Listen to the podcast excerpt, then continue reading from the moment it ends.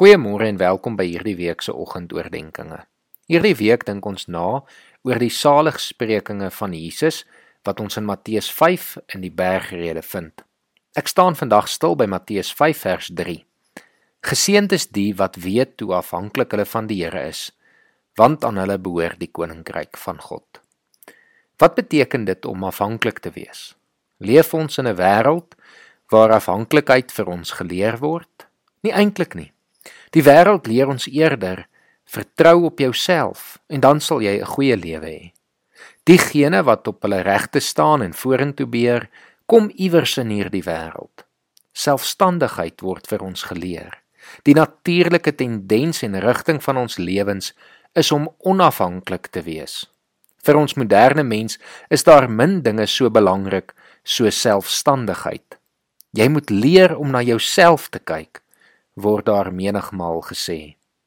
In hierdie eerste saligspreking van Jesus kom sê hy dat iemand wat weet hoe afhanklik hulle van God is, geseënd is, gelukkig is, werklik gelukkig is.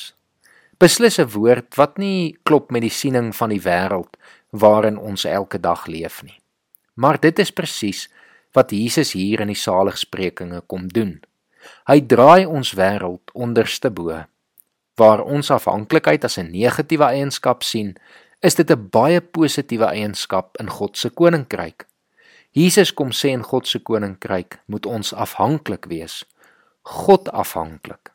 Mense wat van God afhanklik is, is nie swakker of slegter nie, want weer eens werk dinge 'n klein bietjie anderster en onderste bo in God se koninkryk.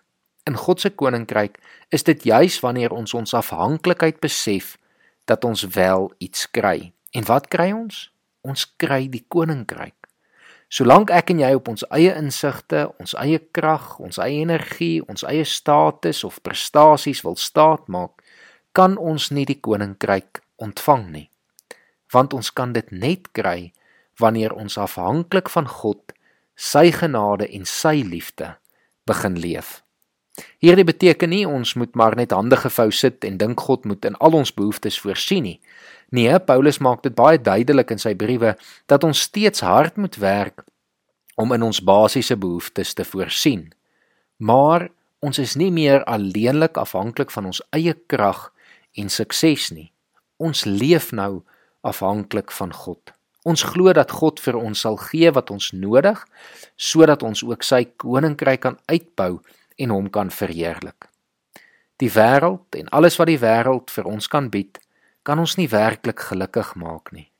Alleenlik dit wat God vir ons kan gee, kan ons in oorvloed en ware tevredenheid en geluk bring. Kom ons sê dit vir mekaar. Ons almal is op soek na sin. Ons almal is op soek na geluk in ons lewens. En al ons daai gemoedsrus en tevredenheid en gesaligheid kry is wanneer ons ons afhanklikheid teenoor die Here besef, dit bely en dit begin leef.